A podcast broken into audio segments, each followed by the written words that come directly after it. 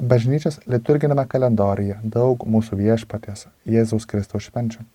Visos jos paskatina įdomiau apmastyti ir išgyventi vieną ar kitą Jėzaus gyvenimo momentą, vieną ar kitą jo gyvenimo aspektą ir pasimokyti, dar geriau įsisavinti jo žodžius. Čia Vytautas Saladis, kunigas iš Opus Dei prelatūros. Vasario antrąją, šiemet tai yra antradienis, švenčiame Jėzaus paukojimą šventykloje šventę. Kaip šiandien Lietuvoje tai dar vadiname krapnyčiamis. Tai šventė susijusi su Jėzaus gimimu. Šią šventę švenčiama lygiai 40 dieną nuo Kristaus gimimo, nuo Kalėdų. Kaip Simeono šventykloje, kaip na, gerai žinome tą seną, gerai pažįstame šią Evangelijos ištrauką, mes tikinti ir džiugaujanti Dievo tauta pasitinkame išganytoją, kuris yra pristatomas kaip šviesa pagonėms apšviesti ir Izraelio tautos garbė.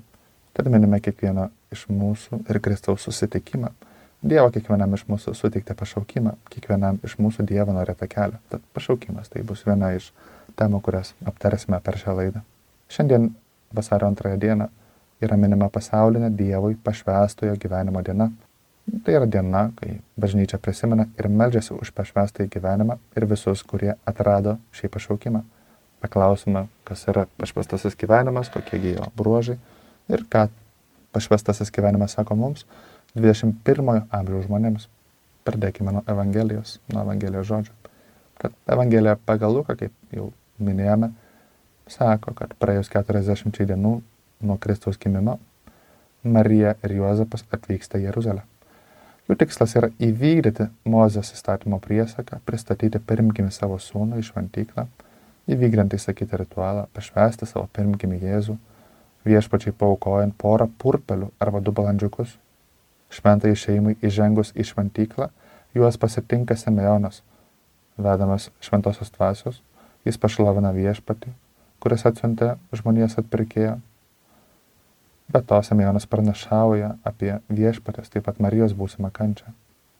Simeono žodžiai yra valandų liturgijos dalis, naktinės maltos himnas, kurio paprastai melžiamasi prieš miegą. Sakome, dabar galėjai valdove, kai buvai žadėjęs, leisti savo tarnui ramiai iškeliauti nes mano akis išvydo tavo išgelbėjimą. Na, leis savo tarnai ramiai iškeliauti. Puikų žodžiai, veikiant dieną, dėkojant už Dievo artumą, kurį patyrėme visą šią dieną. Ką paukojimas reiškia Kristaus gyvenime, būtent ši scena, kągi jį reiškia, sakykime, išganimo istorijos kontekste. Evangelija atskleidžia kai kurias Kristaus žmogiškojo gyvenimo detalės. Mums kalba apie Jėzaus žemiškąją šeimą, apie šventąją šeimą. Tai viena iš nedaugelio akimirkų, kai matome visus juos, Jėzų, Mariją ir Juozapą, visus draugė. Taip, sakykime, yra šis apsilankimas, paukojimas yra įprasto eilinio izraelito pamaldumo apraiška. Visos šeimas paukodavo savo pirmgimus šventykloje. Šiuo atveju Kristaus apsilankimas šventykloje nėra išskirtinis, tai eilinis dalykas. Greičiausiai jis nepatraukia dėmesio. Tai buvo įprastas kiekvienos pamaldžios ir įstatymo besilaikančios izraelitų šeimos ritualas. Galime stebėtis ir Dievo sunaus gyvenimo paprastumu. Jis prisėmė žmogaus prigimtį, tapo žmogumi, bet kartu tapo konkrečią šeimos dalimi, priėmė konkrečią kultūrą ir pamaldumą, laikėsi konkrečių papročių. Šventoji šeima, matome, ji buvo paprasta, neįtin turtinga. Evangelija mini, kad šventosios šeimos auka buvo para purpelių arba balandžiukai. Kai kurie egzegetai atkreipia dėmesį, kad tai neturtingo šeimos auka. Tai išgalintis galėdavo aukoti avinėlį, kuris na, buvo gerokai brangesnis. Šventoji šeima tuo tarpu aukoja paprasto šeimos auką.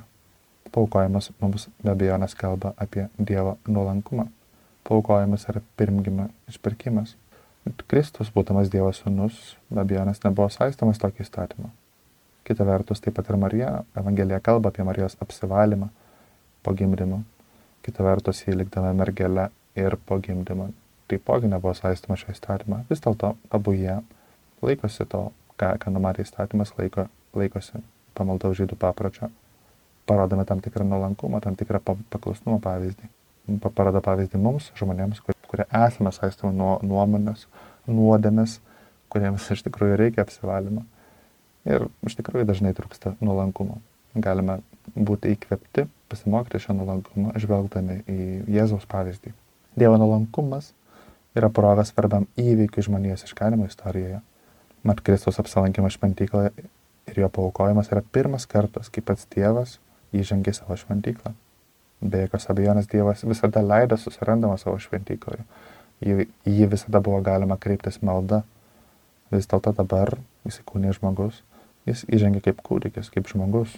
Jis ten atsidūrė fiziškai. Jį buvo galima paimti savo rankas. Ir tokiu būdu leido susirandamas tų, kurie jo ieškojo iš viso širdies, leido susirandamas Simeoną. Labai panašiai Kristus ir šiandien leidžiasi surandamas mūsų bažnyčiose per Euharistiją kadangi per šventasias mišes Kristus nužengia iš dangaus ir tarp žmonių pasilieka, pasilieka švenčiausiame sakramente kiekvienoje bažnyčioje. Bet mūsų padėtis nekiek neblogesnė nei Simeono. Kiekvienoje bažnyčioje galime surasti Kristų. Ne tik savo maldoje, bet ir fiziškai švenčiausiame sakramente. Tad, na, šventos mišios, sakykime, pas pasakysiu savo manymą, nuomonę. Sakykime, per radiją, per televiziją, internetu tai yra nuostabus dalykas, kadangi Tai yra kaip dvasinė komunija, tai yra būdas ten išreikšti savo traškimą, savo norą būti arti Dievo. Vis dėlto dvasinė komunija išreiškia norą prie to ypatingo fizinio Dievo artumo. Vienybę su Dievu, kurį gali suteikti Dievas sakramentiniu būdu. Ir, ir būtent to siekime įdami į bažnyčią, išpentasias mišes. Būtent na, dėl to stengiamės eiti, kai tik tai įmanoma, be abejonės. Yra dar vienas svarbus paukojimo senas aspektas Simeono pranašystė kalba apie viešpatės kančią, taip pat apie motinos Marijos kančią. Štai šis, sako jis, štai štai šis skirtas daugelio Izraelyje nupolimui ir atsikelimui. Jis bus prieštaravimo ženklas ir tavo pačios siela pervers kalavijas, kad būtų atskleistos daugelio širdžių mintis, sako Simeonas. Tad viešpatės kelias veda į Golgotą. Viešpatės išganimas ateis per kančią. Jis pasieks ne tik Izraelio tautą, jis bus Izraelio garbė bet pasieks ir pagonis. Na, mes, lietuviai, be abejonės, sakykime, greičiausiai patenkame į šią kategoriją, nesame žydai. Kristus yra šviesa pagonims apšviesti, šviesa apšviesti kiekvienam iš mūsų. Ir tai aišku nuo pačių pirmųjų Jėzaus gyvenimo dienų.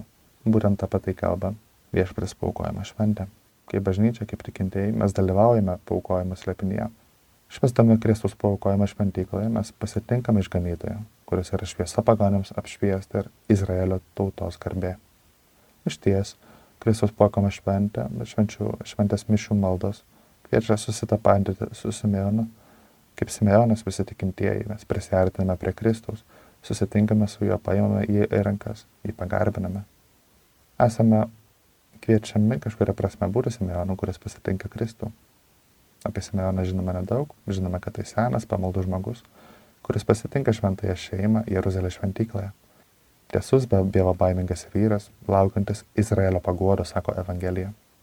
Negalima tiksliai pasakyti, ar Simeonas buvo žydų kunigas, na, jis taip dažnai vaizduojamas, religinėme mene. Galima įsivaizduoti, kad greičiausiai jis buvo kunigas, kuris taip pat priėmė tuos du palandžiukus, kurias atnešė šventoji dvasia ir atliko tauką. Tiesa yra ta, kad Evangelijoje to nėra sakoma. Sakoma, kad jis buvo senas, dievo baimingas vyras. Galima numanyti, kad Simeono susitikimas su Kristumi šventykloje buvo matomas daugeliu žmonių, galbūt taip pat ir jo žodžiai, kuriais jis na, praneša apie Mesijo ateimą, irgi buvo girdimi daugeliu žmonių. Vis dėlto matome, kad tai patraukia mažai ko dėmesį. Galbūt Simeonas nebuvo įtin vertinamas, galbūt daugam atrodė nusenęs ar apskritai mažai svarbus personažas šventykloje. Tai nebūtų nuostabu, žvelgiant iš mūsų pačių, sakykime, praties.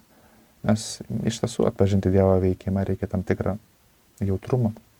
Dievas įžengia į mūsų gyvenimus nejučia ir reikia susikaupimo ir jautrumo šventosios dvasios impulsams, kad jį atpažintume. Todėl tokie svarbus kasdienės mąstymo maldos momentai kuriuos skiriame bendravimui su Dievu. Ir per juos išmokstame atpažinti viešpatės žodžius savo gyvenime, išmokstame, na, laviname savo klausą. Šventosios dvasios įkvėpimas. Mes švenčiame Kristaus gyvenimą, švenčiame Kristaus gyvenimą visų pirma liturgijoje. Kiekviena liturginė šventė pasižymė savo tais simboliais, kokiegi jie saviti Kristus paukojimo šventėje. Bažnyčios liturgijoje Kristus paukojimo šventė siejasi su žvakių procesija, su žvakių palaiminimu ir žengimu į procesiją su uždegtomis žvakėmis. Greičiausiai niekada neteko to matyti, paprastai mat ši šventė pasitaiko paprastą dieną, čekerienį, kada tos įžengimas su žvakių procesija greičiausiai yra nelabai praktiškas, dalykas. Be abejo, mes kažką panašaus matome kiekvieno Velyknakčio liturgijoje. Žvakė yra gražus simbolis. Tai yra įrankis, daiktas, kurio dėka nušviečiama mūsų aplinka, kurio dėka aplink skleidžiama šiluma. Tai yra įrankis, kuris kantriai, ištvermingai neša liepsną, skleidžia savo aplinkoje šviesą ir šilumą. Jis reiškia maldą, greičiausiai, nežinau, jūsų bažnyčiai, jūsų parapijos bažnyčiai turite statulą ir vieną kitą žvakidę. Maldai užmirusiuosius ar, ar, ar, maldai, na, sakykime, savo, savo asmeninėmis intencijomis. Yra gražu, žvelgiant į tas žvakutes, mąstyti, kad tai yra labai konkretus būdas išreikšti tą ištvermingą maldą. Kiekvienas, nežinau, užmirusiuosius ar, ar, ar už rūpešius, už artimuosius, kurių atsivertimo mes prašome. Tai yra būdas, nežinau, parodyti maldos ištvermingumą jungti savo maldą kartu su visos bažnyčios malda, kadangi ten tų žvakučių yra daug, ne mūsų vienų malda, bet, bet yra daug maldų, kaip ir daug žvakučių. Ir vis dėlto visos, visos jos kartu dega Dievo akivaizdoje, visos jos dega tą tikėjimą vienu Dievu. Būtent tai kalba apie keliasnę žvakutės simbolinę prasme. Šviesa, kuri apšviečia kelią ir veikia šilumą, be abejonės galiausiai yra Kristus. Tad užtekta žvakė išreiškia krikščionio esmę Švakių daug, bet juose dega ta pati liepsna, kuri apšviečia ir šildo. Taip, ir krikščionių yra daug, bet visi dalinamės tuo pačiu tikėjimu, tą pačią maldą, tuo pačiu tikėjimu į Kristų. Kiekviena iš tų žvakių išreiškia va, mūsų vienybę su Dievu, kurią pasiekime per krikštą. Krikštą, kuris mus padarė mylimais Dievo vaikais. Žvakės išreiškia Dievo karalystės kalbimą, apaštalavimą. Kaip teigia Simeonas, Kristus yra šviesa pagonims apšviesta. Bet būtent Kristus yra ta šviesa ir šiluma, kurią krikščionis dalinasi su kitais žmonėmis. Iš tiesų Dievas norėjo, kad būtent taip būtų skelbiamas Kristus per krikščionis. Dievas nepasirodo žmoniai pats, kokio tai, nežinau, priploškiančių stebuklu ar netiriamama prievarta. Priešingai jis norėjo, kad jis keltų jo mokiniai, kad na, atskleistų, parodytų Kristus savo gyvenimu, kad, kad, kad, kad patrauktų prie Kristaus savo žodžiu ir, ir pavyzdžiu. Lygiai tai tad, tad mes kaip ta žvagutės daliname savo tikėjimą, perdodami jį savo draugams ir artimiesiems. Tai ta žvakutės, kurios mūsų pabažnyčioje taip pat kalba apie apaštalavimą, apie Kristų, kurį kiekvienas kelbime savo ten, kur esame. Tad, nežinau, tas Kristaus šventimas, švesti Kristų, gyventi juo ir, ir, ir, ir tą darome savo kasdienybėje. Iš ties krikščionio gyvenimas pasireiškia su tuo, ką aptarėme - tikėjimas, malda, tikėjimo liūdėjimas. Bet pašaukimas, kiekvieno iš mūsų pašaukimas nėra abstraktus dalykas. Mat kiekvieną iš mūsų Dievas šaukia savitose aplinkybėse ir kiekvienam iš mūsų skiria savitą kvietimą. Svarbiausia, kalbant apie krikščionio pašaukimą, visada yra Kristus. Krikščionio pašaukimo savitumas visada yra gyventi Kristaus žodžiais. Šventieji ir teologai kalba apie gyvenimą ne tik laikantis Kristaus pamokymų, jos, jų klausyti, jos praktikuoti, bet taip pat gyventi Kristaus gyvenimą, atpažinti Kristaus gyvenimo ženklų savo būtyje. Mano mačiutė nesenai pasimirė. Tai, tai yra momentai, kai galime prisiminti Kristaus, nežinau, mirtį ir prisikelimus, Kristaus pažadą visus mus prikelti iš numirusių. Mirties valanda na, visada bus mylinčių žmonių, kurie mumis rūpinasi ilgą laiką. Vis dėlto tai yra sunkus momentas, skausmingas tiek fizinė, tiek dvasinė prasme. Melskime savo malonės prisiminti tomis akimirkomis Kristaus kančią, sekti Kristumi, nes Kristus visada mus veda tuo keliu, kuriuo ėjo pats. Galime vienyti su juo ir ši mintis mus paguos ir mums teiks stiprybės tomis akimirkomis. Nes Kristaus gyvenimas apšviečia kiekvieną gyvenimą krikščionio kelią, teikia šviesos ir vilties. Žinoma, susitapatinti su Kristumi yra stengtis gyventi šalia viešpatės visada, ne tik paskutinėmis gyvenimo akimirkomis. Tai kvietimas gyventi Kristumi tiek sunkumuose, tiek džiaugsmuose, tomis aplinkybėmis, kurios se kiekvieną kviečia Dievas. Pašaukimų yra daug, vieniems tai santoka, kitiems kunigo, vienuolės, vienuolio pašaukimas, arba kitas pašaukimas bažnyčioje. Bažnyčios istorija, taip pat mūsų žmonės, kurias mes pažįstame, rodo, kad šventai dvasiai šioje srityje netrūksta kūrybingumo. Pašaukimo bažnyčioje pasitaiko, pasitaiko daug ir labai įvairių. Apmastydami viešpatės susitikimą su Simeonu Sena, tą paukojimą šventę, jau visiškai prisartame prie dar vieno aspekto, kurį aptarėsime likusioje laidos dalyje. pasaulinė pašvestojo gyvenimo diena, kurią minime būtent per, per šią Kristaus paukojimą šventę.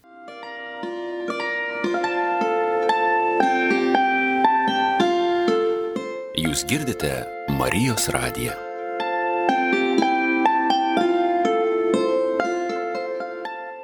Kaip viešpatės paukojimo šventė skatina galvoti apie pašvestąjį gyvenimą? Atsakymas būtent tas, kad ši šventė, viešpatės paukojimo šventė, kalba apie, apie pašaukimą. Paukoti savo viešpačiui, prisartinti prie viešpatys ir paskirti savo jėgas Dievo karalystės klaidai. Pats žodis išreiškia šią mintį.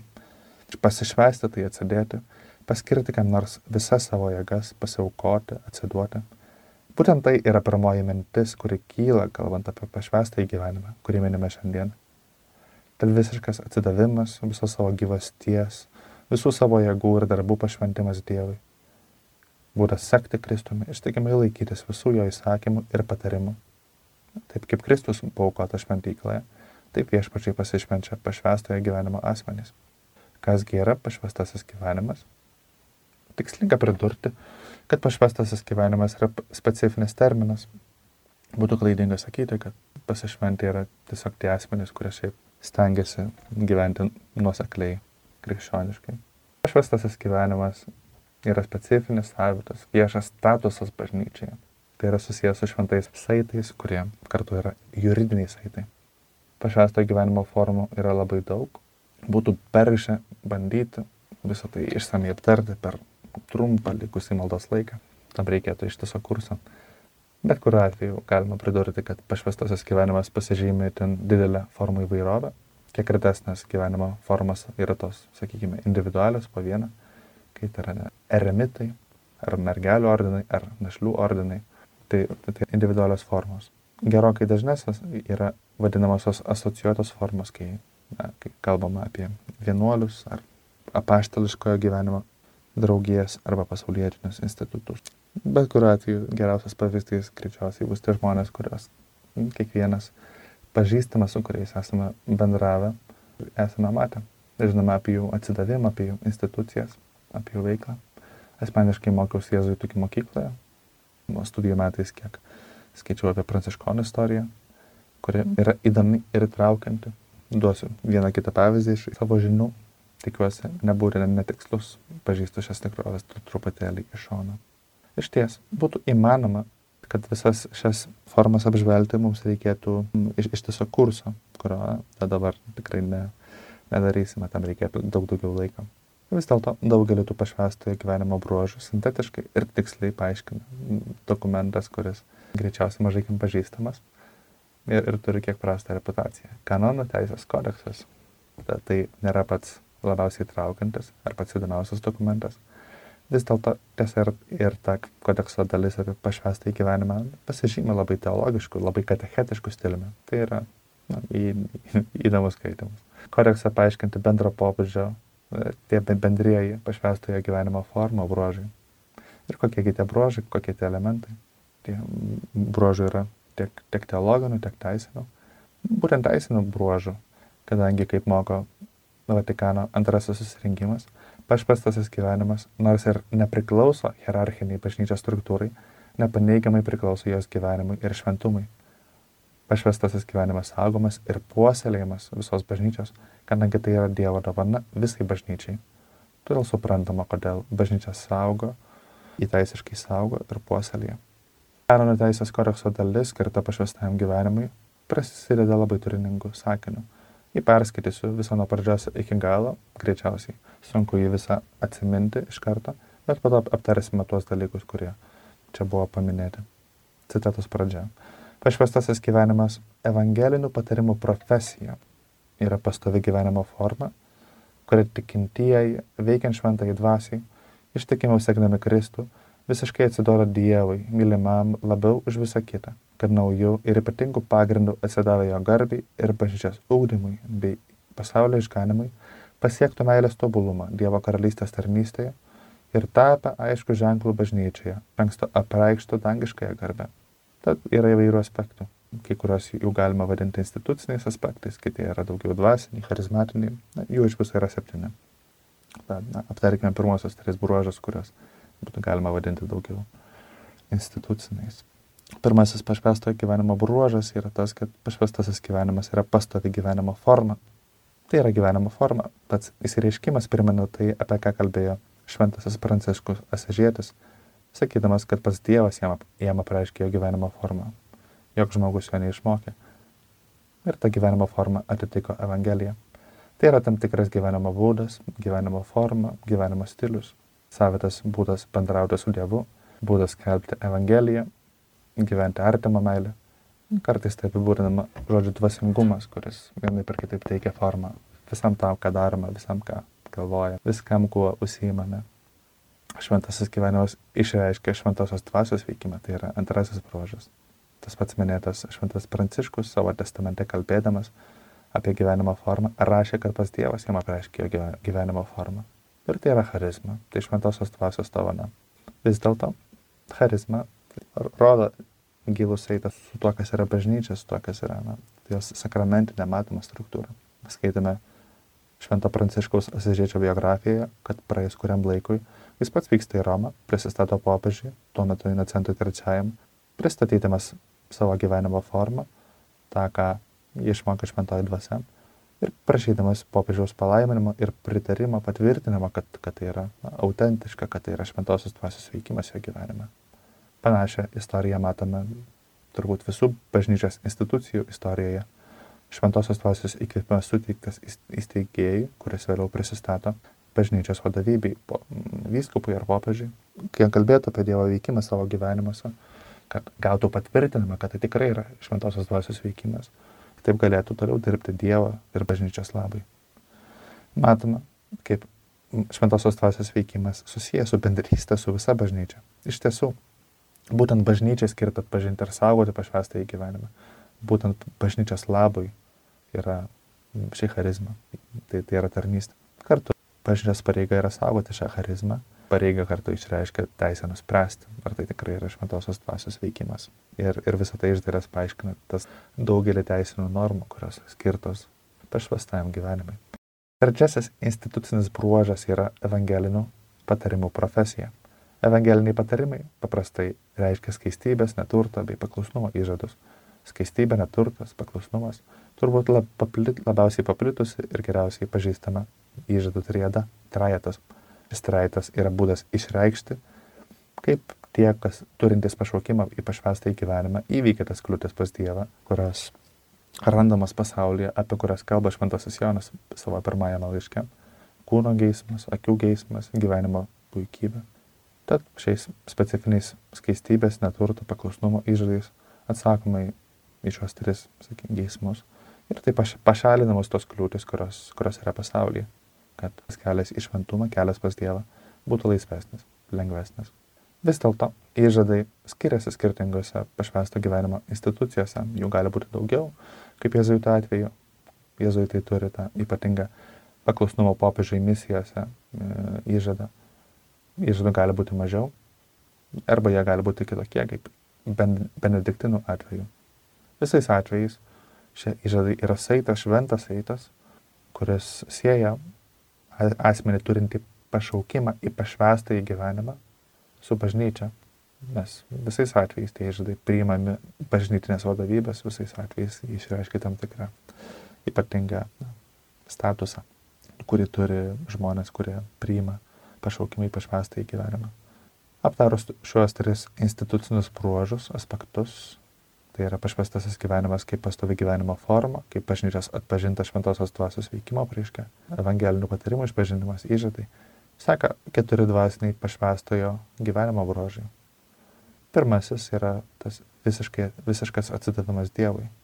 Tai reiškia įsipareigojimą gyvendinti krikščionių gyvenimą tam tikrų konkrečių pastovių būdų, Tai niekada nėra pabandymas. Na, negali būti vien vienuolio pabandymai, kaip beje, negali būti ir santokos pabandymai. Visais atvejais priimti pašaukimą į pašvestą gyvenimą ir atsituoti Dievui. Tai yra manimas, kad žmogus turi pašaukimą, kad, kad Dievas įkviečia sekti Kristui tam tikrų būdų ir, ir pavesti Kristui visą savo gyvenimą. Na, ir, ir tai nėra pabandymas. Prašymas jį priimti, prašymas noras atsiliepti visų savo gyvenimo su dosnumu Kartais iš tos juokaujam apie profesinį celibatą, akademinį celibatą. Kai žmonės atsižada labai didelių dalykų dėl, sakykime, kitų dalykų, ne dėl Dievo karalystės. Na ir tai nėra be abejonės pašvestojo gyvenimo dalykas, nes pašvestasis gyvenimas yra visų pirma dėl Dievo, tai nėra dėl noro daryti sunkius dalykus, savo apsunkinti kelią. Tai yra kelias pas Dievą, atpažinti savo pašaukimą, savo pašaukimą, kurį sutikė pats Dievas, eiti pas jį būtent tuo būdu. Pašvestojo gyvenimo tikslas yra meilės tobulumas. Meilės tobulumas, kuris šiuo atveju reiškia šventumas. Kartais girdima ir man reikia suprantama, kad, kad pat, pat žodis šventumas truputį prastą reputaciją. Kartais tai gali būti suprantama, ar, ar tai yra suprantama. Tik bandymas iškelti save virš kitų, jaustis viršesniam. Galbūt dėl to, sakykime, dokumentas ar Vatikano antrojo susirinkimo dokumentai kartais kalba e, apie meilės tobulumą.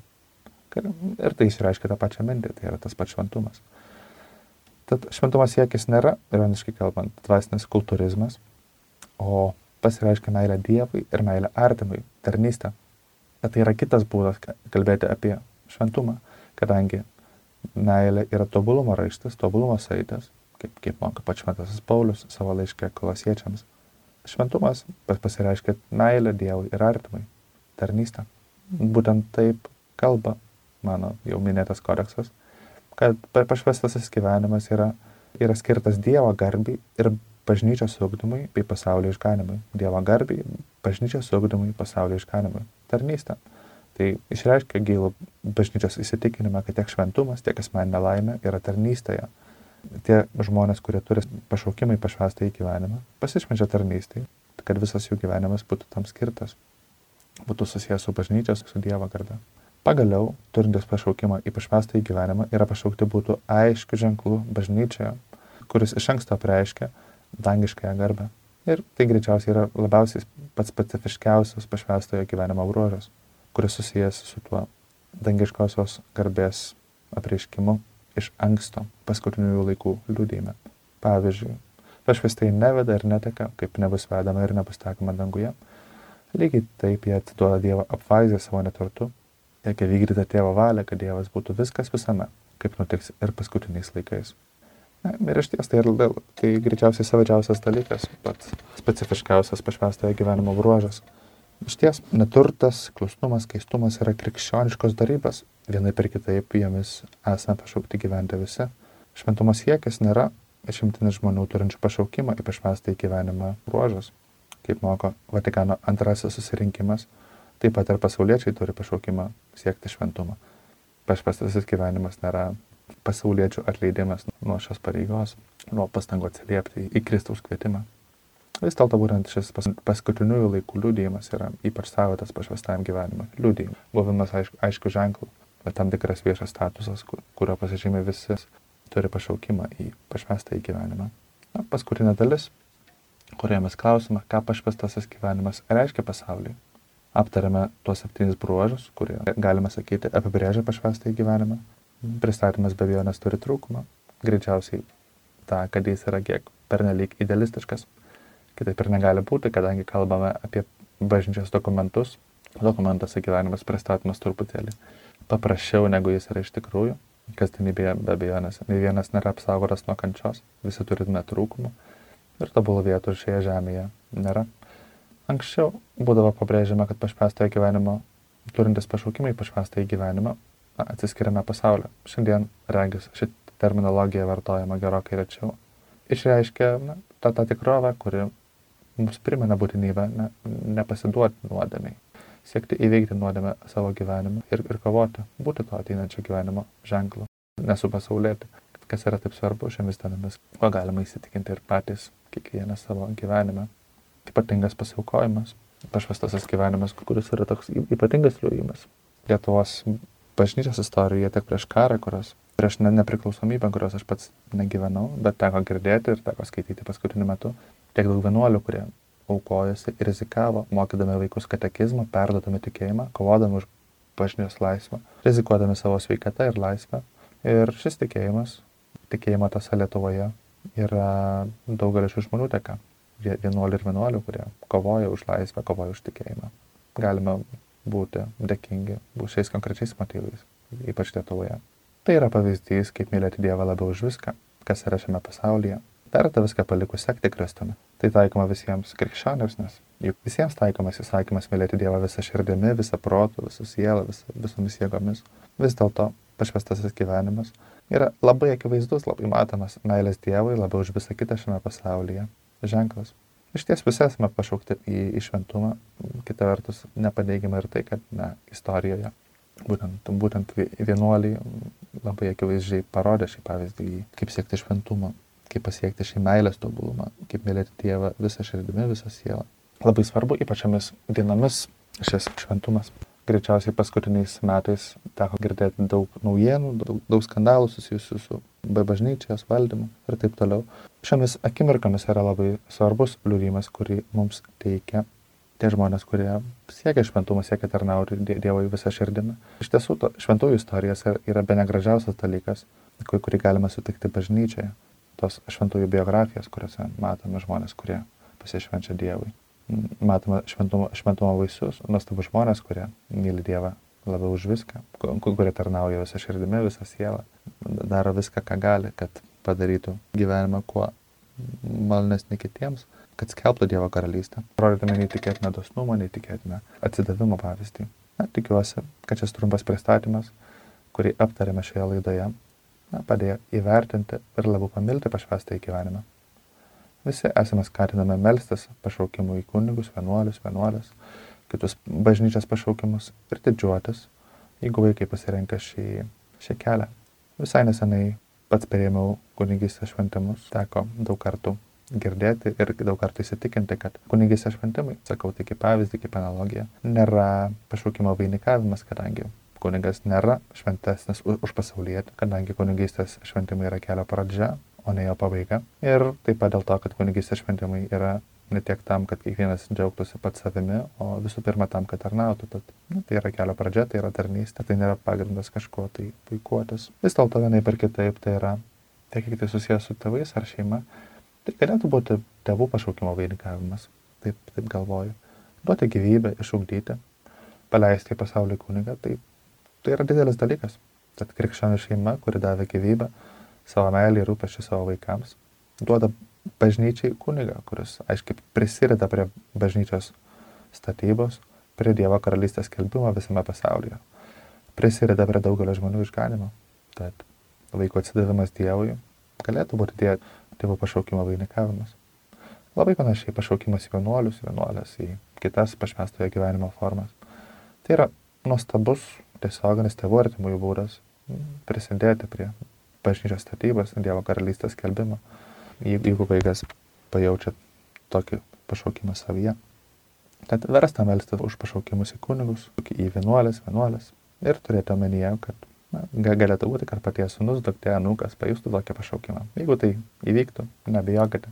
Tai didelė Dievo dovana jums patiems ir, ir visam pasauliui. Būtent dėl to švenčiame šią pasaulinę pašvestojo gyvenimo dieną, kad, kad paminėtume šią svarbę tikrovę, kuri mums visiems primena, kad esame kaip ta žvakė, kuri neša Kristų, kuri skleidžia Kristaus šilumą, Kristaus šviesą, mus lydi visose gyvenimo džiaugsmuose ir rūpeščiuose.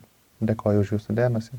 Čia buvo Vytautas Aladis, kunigas iš Opus Dei prelatūros ir iki kitų susitikimų. Laimingos pašvestojo gyvenimo šventės dienos.